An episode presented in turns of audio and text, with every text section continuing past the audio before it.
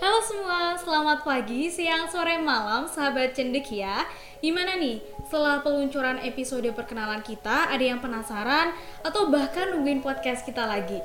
Nah, di episode Neliti Selezat Seblak yang pertama ini, sahabat bakal ditemani aku, Saras, dan pembicara kita yang kece yaitu Mas Bismo, seorang mahasiswa beda. Nah, sebelum masuk lebih lanjut, kurang ado abdol ya. Rasanya kalau kita tidak memperkenalkan siapa sih mahasiswa beda kali ini. Jadi, Mas Bismo adalah seorang mahasiswa Fakultas Pertanian Universitas Gajah Mada, program studi Mikrobiologi Pertanian dan Departemen Mikrobiologi Pertanian. Tentunya Mas Bismo ini mempunyai segudang pengalaman dan prestasi Nah, di antaranya cuma beberapa yang bakal Saras bacain, yaitu pengalaman beliau seorang QB of Vice President of Communication IAAS World tahun 2017 sampai 2018. Yang kedua, beliau juga seorang Board of Vice Director of Communication IAAS Indonesia tahun 2016 dan 2018. Dan penghargaan yang pernah diraih oleh Mas Bismo di antaranya pertama, beliau merupakan delegasi terpilih Osaka University Sakura Program International Center of Biotechnology tahun 2019. Beliau juga jurnalnya diterima Presiding Agosim International Agriculture Symposium di Bonsania tahun 2017 sebagai first, first writer. Nah, ternyata banyak banget ya pengalamannya. Sebenarnya masih banyak lagi, tapi berhubung kalau Saras bacain bisa memakan lebih banyak waktu, dan Saras juga yakin sahabat cendekia pasti udah gak sabar dengerin pemaparan dari Mas Bismo. Oke, Saras bakal langsung mulai saja pertanyaannya. Nah, pertanyaan yang pertama adalah uh, menurut Mas Bismo nih, bagaimana definisi secara umum penelitian menurut ya jadi uh, menurut saya penelitian itu sesuai dengan terminologinya ya. Kita bicara terminologi dulu. Penelitian tuh kata dasarnya teliti. Jadi kita benar-benar meneliti sesuatu dengan teliti gitu ya. Jadi ada suatu permasalahan atau keresahan ya. Jadi penelitian ini berangkat dari suatu permasalahan atau keresahan atau bahkan pertanyaan dengan apa pun yang ada di sekitar kita seperti itu. Jadi uh, jangan disalahartikan atau disalahpahamkan dengan riset ya. Jadi kalau sudah di dunia internasional ataupun di dunia profesional, riset dan penelitian itu berbeda. Kalau teman-teman lihat, kalau riset itu terminologinya re dan search ya, dari research atau mencari kembali. Sementara kalau penelitian itu kita meneliti sesuatu yang baru. Jadi perbedaannya di situ. Nah kita fokus sebagai ke penelitian. Apa sih yang diteliti? Itu tadi permasalahan atau pertanyaan atau keresahan yang ada di sekitar kita. Jadi teman-teman harus paham nih. Teman-teman harus peka gitu ya. Apa sih permasalahan yang ada di sekitar kita, di masyarakat kita ini sedang ada keresahan apa? Atau dalam diri kalian tuh ada pertanyaan-pertanyaan apa yang belum ada jawabannya? Jadi kalian googling ke mana belum ada jawabannya itu adalah saat di mana kan harus meneliti. Nah, penelitian itu harus dicari fakta-fakta yang ada. Jadi dalam penelitian itu tidak boleh ada opini sama sekali seperti itu. Jadi penelitian ini adalah kumpulan-kumpulan fakta yang telah teman-teman kumpulkan dengan cara bisa riset tadi, bisa riset atau studi pustaka atau melakukan eksperimen ya. Nah, eksperimen, riset atau studi pustaka yang teman-teman lakukan ini dalam rangka melakukan penelitian itu nanti akan terkumpul banyak data. Ya kan pasti teman-teman sudah ngerti apa itu data. Nah, dari data-data tersebut nanti teman-teman bisa mengolah bagaimana pengolahan data yang baik dan benar. Kalau nanti sudah skripsi ya nanti pakai software atau bisa pakai Excel dan sebagainya. Nanti dari data tersebut teman-teman akan melihat apakah hipotesis atau pertanyaan atau keresahan atau permasalahan yang awal itu terjawab atau tidak. Misalnya seperti ini, teman-teman itu merasa resah. Kenapa sih di DIY itu ada sungai yang unik? Kenapa unik? Karena alirannya utara seperti itu alirannya naik itu kan suatu hal yang sangat mustahil ya kan bagaimana bisa air berjalan dari titik yang rendah ke titik yang tinggi seperti itu nah dahulu salah seorang senior saya itu meneliti hal tersebut karena dia bertanya-tanya kok bisa sih nah mulailah dia melakukan eksperimen dan studi pustaka kenapa bisa hal itu terjadi maka terkumpullah data-data tersebut data tersebut ditabulasikan bisa di secara kualitatif maupun kuantitatif kemudian ditarik kesimpulan. Jadi seperti itulah penelitian itu. Anda menemukan permasalahan, Anda mengumpulkan data, kemudian Anda menarik kesimpulan berdasarkan data yang telah didapat. Jadi intinya seperti itu. Itu adalah definisi paling sederhana ya. Ya karena kalau dilakukan bakal sangat ribet sekali ya. Karena Anda harus menentukan metode, Anda harus menentukan cara penarikan kesimpulan H0 H1 seperti apa dan lain sebagainya Wah jadi ternyata permasalahan itu jika dilihat dari sudut pandang yang positif itu malah bisa uh, membuat kita semakin mengerti apa itu penelitian. Bahkan ketika mungkin kita tidak punya masalah, justru kita tidak bisa meneliti, begitu ya mas? Benar sekali. Nah oke, okay, lanjut ke pertanyaan nomor dua. Uh, bagaimana nih stigma jadi peneliti di Indonesia? Oh iya, jadi memang ya uh, masyarakat kita ini tidak lepas dari stigma. Apa itu stigma? Ya teman-teman tahu sendirilah. Kalau dijelasin yang terlalu panjang. Pokoknya itu seperti pandangan ya. Jadi peneliti di Indonesia ini dipandang sebagai apa? Coba satu, nerd ya. Satu yang nerd, orang yang cungkring, kurang gizi atau bahkan yang terlalu gemuk gitu. Terus kacamatanan gitu. Iya Terus kuliahnya di jurusan yang aneh-aneh. Ya kan? Iya betul kuliah di jurusan MIPA murni maupun fakultas biologi atau fakultas lainnya yang jarang diminati oleh orang ya. Nah, biasanya para peneliti ini masuk ke dalam jurusan-jurusan STEM ya. Saya lupa tuh singkatannya apa. Nah, stigma peneliti di Indonesia sendiri itu bahkan telah mengakar dalam konteks yang buruk, teman-teman. Kalau teman-teman tahu peneliti di Indonesia itu kurang mendapatkan apresiasi, kurang mendapatkan apresiasi, kemudian tadi dicap buruk sebagai pandangan sosial ya. Kenapa? Karena kebanyakan masyarakat Indonesia masih menganggap peneliti ini sok tahu gitu ya. Seperti itu. Jadi uh, karena ketidakpahaman dan kesenjangan tingkat edukasi, jadi peneliti ini mendapat stigma oh sok tahu dia, sok peminter gitu ya. Dia sok pinter banget sih gitu. Seperti itu. Karena kesenjangan itu tadi. Padahal sebenarnya enggak. Nah, kemudian peneliti sendiri masih dipandang sebelah mata dan distigma oleh pemerintah itu sendiri. Jadi kurang apa ya? Kurang adanya dukungan, kemudian kurang adanya perkembangan. Jadi kurang berkembang, kurang bisa berkembang. Jadi stigma-stigma peneliti di Indonesia itu adalah pertama miskin, gajinya sedikit, tidak berkembang. Jadi seperti itulah. Jadi masih banyak hal buruk yang meliputi stigma tentang peneliti di Indonesia seperti itu karena biasanya juga masyarakat umum nggak ngerti kerjanya peneliti itu apa bahkan peneliti itu pekerjaannya sangat spesifik ya tergantung bidangnya seperti itu Oke, kita lanjut aja langsung ke pertanyaan nomor tiga ya. Yang ketiga, uh, menurut Mas Bismo nih, bagaimana perbedaan penelitian di Indonesia dan di luar? Melihat tadi stigma peneliti di Indonesia tuh lumayan buruk ya kalau di Indonesia.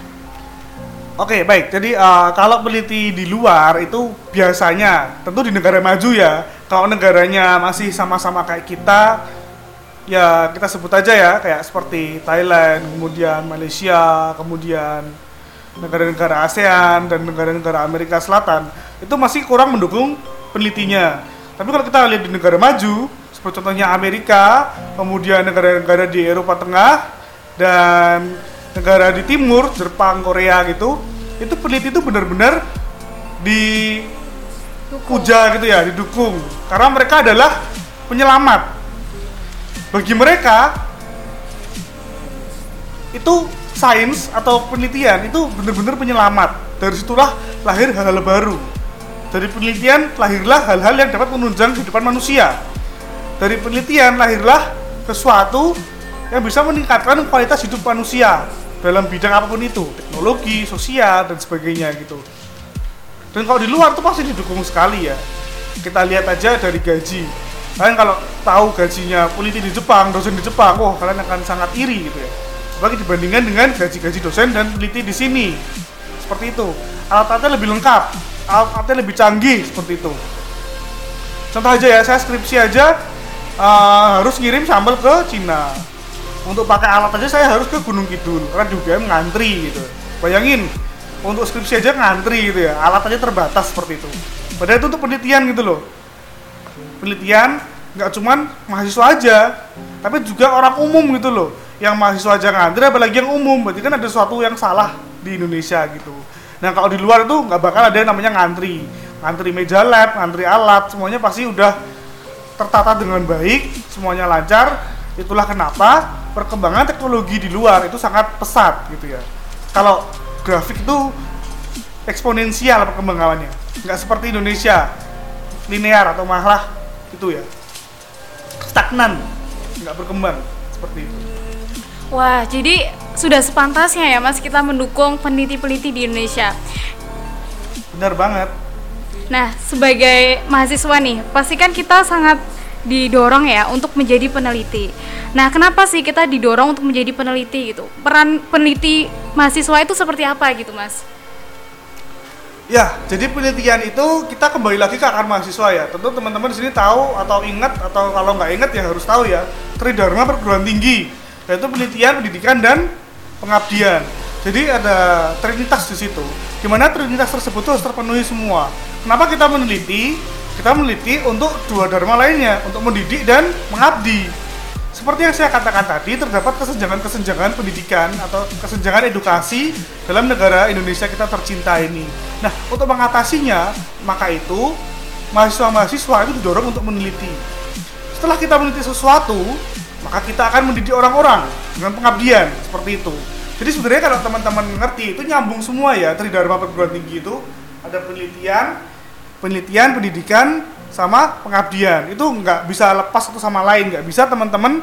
Cuman milih salah satu aja. Wah aku pengabdian doang nih. Teman-teman ngabdi doang nggak ada ilmunya nyebar ilmu sesat dong. Nah, teman-teman neliti doang nggak ada mendidiknya nggak ada pengabdiannya sama-sama egois dong. Teman-teman juga mendidik tapi nggak mengabdi. Cuman didik teman-teman sekitarnya aja ya sama aja. Kita tidak bermanfaat gitu loh. Nah oleh karena itu kenapa universitas bisa atau harus mendukung mahasiswanya dalam meneliti itu untuk itu. Bayangin kita ini seangkatan tuh ada 9000 angkatan saya. Angkatan kalian mungkin udah sampai 10 ribuan ya karena ada peningkatan mahasiswa. Nah bayangin ada 10 ribu inovasi baru tiap tahunnya. Coba teman bayangin aja. Nah mungkin permasalahannya di sini adalah uh, skripsi atau penelitian itu biasanya penelitian yang cenderung tidak aplikatif tapi saya tidak menyalahkan karena memang kita ranahnya belum sampai situ. Seperti itu. Jadi penelitian kita sebenarnya penelitian-penelitian kecil yang tetap harus ada manfaatnya walaupun tidak secara luas seperti itu. Karena kalau kita juga dipaksa untuk meneliti hal yang besar, itu ilmu kita belum cukup, teman-teman. Jadi teman-teman juga perlu sadar diri ya, perlu sadar diri akan batasan diri kalian sendiri nggak bisa oh saya mau meneliti bagaimana caranya membuat sapi bisa berfotosintesis bisa makan lagi. Nah itu kan sesuatu yang ya possible. Tapi dengan kondisi dan situasi yang sekarang kalau dipikir-pikir impossible seperti itu. Jadi teman-teman harus sadar diri juga kondisi dan kekuatan teman-teman tuh di mana gitu. Tapi jangan sampai itu mematahkan semangat untuk meneliti. Karena sebenarnya banyak sekali permasalahan yang ada di masyarakat sekitar kita yang perlu dipecahkan. Dan masalah itu percayalah teman-teman permasalahan itu kecil-kecil sebenarnya. Kecil-kecil tapi numpuk jadi satu gitu banyak banget ya. Seperti mungkin got yang macet kemudian irigasi yang macet kemudian misalnya di Pogung itu ya tiap hujan kok jadi waterpark gitu ya. Seperti itu teman-teman. Jadi banyak permasalahan-permasalahan sebenarnya. Kalau teman-teman itu peka seperti itu. Jadi mahasiswa dan universitas harus belajar untuk peka juga terhadap sekitar ya karena itu dasar sebagai peneliti gitu. Nah lagi-lagi ternyata kita diingatkan nih mengenai bahwa kita hidup tuh harus selalu bermanfaat bagi orang lain dan sekitarnya. Maka kita juga harus peka terhadap lingkungan kita.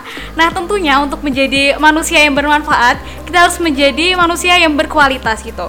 Nah, menurut Mas Bismo nih, bagaimana personal dan karakter building as scientist menurut Mas Bismo? Oke, jadi personality dan karakter building ya, ya teman-teman yang pertama itu harus peka ya, peka terhadap sekitar, nggak boleh cuek. Jadi uh, ini kalau boleh saya katakan kritik juga otokritik buat buat saya sendiri. Kita ini terlalu cuek ya. Terlalu fokus mungkin dengan hal-hal yang sebenarnya tidak penting gitu ya. Oke kita kuliah. Mungkin kita sambil kerja sambilan bagi teman-teman untuk membayar UKT atau nambah uang jajan dan sebagainya itu kesibukan teman-teman ya. Tapi teman-teman tidak boleh berhenti untuk memperhatikan sekitar seperti itu. Itu yang uh, saya rasa pengalaman saya empat tahun kuliah ya ya empat tahun empat bulan lah. Nah itu mahasiswa sekarang itu kurang perhatian terhadap lingkungan sekitarnya bahkan lingkungan kampus seperti itu. Lingkungan kampusnya sendiri itu kurang diperhatikan. Jadi saya di pertanian itu melihat di kampus tuh kok banyak lahan kosong ini kok nggak ditanamin aja seperti itu. Apakah mungkin tidak efektif? Apakah efektif? Apakah sering diinjak-injak? Jadi males nanem nah itu hal-hal tersebut itu perlu diteliti sebenarnya. Dan itulah teman-teman GC atau Gama Cendikia di sini perlu membangkitkan hal tersebut lebih dari yang lainnya. Karena tentu teman-teman ikut Gama Cendikia ini adalah orang-orang terpilih. Ya kan nggak mungkin uh, teman-teman ikut GC itu ngawur aja lah saya ikut GC aja lah gitu.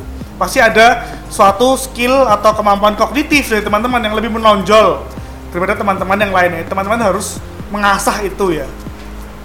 Jadi mumpung teman-teman ini sudah memiliki bakat nah personality yang teman-teman harus asah adalah bagaimana kita bisa peka kemudian kita bisa perhatian terhadap sekitar gitu jadi selalu muncul pertanyaan-pertanyaan gitu dulu saya diberitahu oleh dosen saya gitu untuk menumbuhkan hal tersebut itu cukup bertanya dalam kelas. Jadi siapa pun dosennya, apa pun makulnya, itu selalu bertanya. Jadi kita akan terbiasa untuk bertanya. Pertanyaan sebodoh apa pun itu sampai dimarahin dosen nggak apa-apa.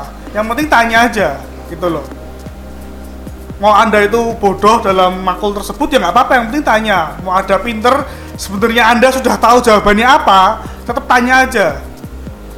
Karena itu akan membangkitkan apa ya selera-selera curiosity gitu ya keingin tahuan bener banget jadi itu pun harus diasah gitu teman-teman ketika teman-teman berhenti bertanya ya sudah semuanya akan berhenti di situ nah kemudian personality teman-teman juga harus belajar bagaimana itu ya memiliki apa ya bisa menempatkan diri nah gitu kenapa stigma peneliti itu jelek karena biasanya peneliti di Indonesia itu kaku, sepaneng ya kan, wajahnya tidak ramah gitu kan. Kalau ngomong nggak jelas tuh saya jelek. Nah, itu benar-benar harus diperbaiki teman-teman. Nggak bisa seperti itu. Kita harus bisa menjadi orang yang ramah. Kita harus bisa menjadi orang yang serius ketika itu dibutuhkan serius. Jadi teman-teman itu perlu tahu siapa saya, di mana saya, sebagai apa saya gitu loh. Itu menurut saya penting banget sebagai personality seorang peneliti ya. Jadi tahu bener-bener itu loh. Ketika kalian meneliti di lingkungan formal, kalian jadi peneliti sosial, kalian meneliti di lingkungan pemerintah ya kalian harus sopan, harus hierarkis, harus birokratis, seperti itu. Kalian meneliti di kalangan kelompok tani, ya kan harus membaur, kalian harus sopan dengan adat-adat di kelompok tani tersebut gitu. Kalian meneliti di lingkungan peneliti juga, ya kalian harus curious, kalian harus kritis, gitu. Kemudian kalian meneliti di anak-anak SD ya kan harus friendly. Harus friendly siapin modal. Keluar modal dikit lah. Bawa permen atau coklat seperti apa gitu loh. Nah jadi teman-teman tuh harus bisa menyesuaikan diri. Bagaimana sih? Saya menjadi peneliti yang baik. Itu bukan berarti hasilnya itu benar ya teman-teman. Oke. Ini salah satu karakter building juga. Teman-teman jangan terpaku sama hasil yang berhasil. Ya. Hasil yang berhasil itu berarti H1 diterima ya. Ya atau itulah pokoknya. Nah. Jadi kalau hipotesis itu ditolak itu bukan berarti penelitian adik-adik gagal atau penelitian teman-teman gagal kalau hipotesis itu ditolak berarti teman-teman telah mengingatkan berjuta-juta umat manusia di bumi bahwa metode yang kalian pakai itu tidak dapat digunakan kalau penelitian teman-teman itu gagal maksudnya hipotesisnya ditolak berarti teman-teman telah memberitahu berjuta-juta umat manusia di bumi bahwa hasilnya memang tidak efektif, tidak signifikan gitu loh. Saudara teman-teman mau melihat pengaruh ya, pengaruh urin kambing terhadap pertumbuhan kacang kedelai. Kalau nggak berpengaruh ya udah gitu loh. Bukan berarti gagal, tapi teman-teman telah menemukan bahwa urin kambing itu tidak berpengaruh seperti itu. Jadi teman-teman jangan berstigma bahwa hipotesis yang tertolak itu gagal. Seperti itu. Kalau kalian lihat jurnal-jurnal internasional ya, banyak sekali yang tidak sesuai dengan hipotesis. Banyak sekali. Oh ternyata nggak ada. Oh ternyata zatnya nggak ada. Kalian mau cari zat antibakterial dari aloe vera, ternyata nggak ada. Ya udah. Kalian jangan paksakan itu harus ada. Kalian manipulasi data dan sebagainya, oh nggak boleh. Kemudian teman-teman juga tidak boleh memaksakan bahwa topik yang kalian teliti itu adalah topik yang paling baik tidak boleh seperti itu jadi misalnya saya skripsi kemarin bakteri asam laktat atau probiotik. Oh bakteri saya ini paling baik ini. Manfaatnya gini gini gini nggak boleh. Kalau gitu udah langsung sama pengujinya sudah langsung di oh, nggak usah kamu. Kamu cuman bluffing doang cuman sombong doang gitu. Nggak bisa. Soalnya kebetulan kemarin skripsi saya itu nggak ada hasilnya alias zong gitu loh. Ya tapi itu sama dosennya bukan berarti kamu gagal. Kamu tulis di kesimpulan bahwa emang nggak ada. Jadi kesimpulannya nggak ada dan itu tuh tetap berhasil gitu loh. Itu yang perlu teman-teman tahu sebagai peneliti gitu ya. Ya itu sih yang paling penting meliputi tadi yang aku katakan itu. Wah ternyata banyak sekali ya teman-teman yang kita butuhkan uh, personal branding yang harus uh, kita kuasai untuk menjadi peneliti. Ternyata kita itu hidup harus selalu belajar dan belajar Nah, ngomong-ngomong tentang gambar cendekia nih mas. Gambar cendekia ini kan terdiri dari manusia-manusia dari berbagai interdisipliner ilmu. Nah, menurut mas nih, bagaimana penelitian interdisipliner? Oke, jadi penelitian interdisipliner ya? Oke, jadi sebenarnya penelitian interdisipliner ini itu udah ranahnya profesor ya Profesor atau doktor ya, S3 ke atas ya. Nah, kenapa? karena kita S1 sendiri belum mapan ilmunya gitu loh kita kalau dalam diagram ilmu S1 tuh masih ya paling 20% 30% ya. Ini juga salah satu nyambung tadi sifatnya kalian jangan sok pinter. Tentang kalian kuliah kalian sok pinter. Enggak kita ini makhluk paling bodoh. Kita S1 ini masih bodoh-bodoh semua. Kalian jangan merasa diri kalian tuh yang pinter bisa menemukan hasil yang tepat bisa menemukan gebrakan baru yang sangat hebat gitu ya karena biasanya kita meneliti juga uh, hanya bagian permukaannya saja. Saya ambil contoh kemarin ada itu ya yang obat anti kanker itu ya dari anak SMK ya itu bagus semangatnya bagus tapi mungkin belum bisa diaplikasikan ya. Karena sampai sekarang pun juga tidak ada kabar penelitian tersebut tuh diimplementasikan seperti itu. Jadi memang jangan serta merta kalian sudah meneliti sesuatu ada hasilnya terus kalian jumawa gitu ya ini yang terjadi pada banyak peneliti peneliti baru sekarang yang langsung masuk ke ranah interdisipliner gitu. Mungkin itu diperlukan teman-teman tapi menurut saya pribadi ya sebenarnya itu kurang baik. Kenapa? Karena misalnya saya sendiri saya itu di mikrobiologi pertanian ya. Nah saya nggak akan meneliti interdisipliner tentang sosial ekonomi petani gitu. Itu bukan kompetensi saya gitu loh. Ngapain saya ribet-ribet belajar ekonomi lagi gitu. Uang ada 100 mahasiswa ekonomi kok. Di FEB ada 500an mahasiswa FEB kok. Ngapain saya susah-susah belajar lagi hanya demi untuk melakukan penelitian interdisipliner gitu loh. Kalau teman-teman pengen melakukan penelitian interdisipliner ya buatlah tim. Seperti itu. Wah tim. Kita dari FEB teknik mesin dari pertanian. Jadi ada ahli dari tiap bidangnya teman-teman jangan dipaksakan kalian harus mengerti semua bidang. Kalian pasti akan mengerti tapi tidak akan sedalam teman-teman yang lain. Dan itu buang-buang waktu teman-teman. Kan harus belajar lagi kecuali ya kecuali kalian udah belajar dulu. Jadi dari starting point itu kalian udah ngerti ilmunya gitu. Tapi kalau kalian ngerti ilmunya dan kalian belajar lagi itu uh, wasting time banget. Karena ada ahlinya gitu bahkan penelitian interdisipliner itu biasanya dilakukan oleh para dosen. Dosen pun kalau sama mahasiswa S1 itu penelitiannya masih single ya. Dosen pertanian ya pertanian sama pertanian. Itu aja masih dalam lingkup satu jurusan teman-teman. Jarang sekali penelitian lintas jurusan. Berarti itu kan inter subdisipliner ya. Jadi dalam disipliner yang sama tapi beda prodi gitu ya. Bahkan itu pun jarang sekali loh teman-teman dan sekarang yang diminati itu adalah ahli-ahli spesifik teman-teman jadi kalau ngerti dosen-dosen hama ya, saya ngomongnya dosen hama aja di pertanian. Itu mereka ahli cuma satu loh, ahli pisang. Gitu. Jadi kalau ahli pisang tuh ya udah pisang aja. Ya beliau tahu penyakit-penyakit lainnya di penyakit pertanian lainnya, tapi nggak sedalam ahli lainnya gitu loh.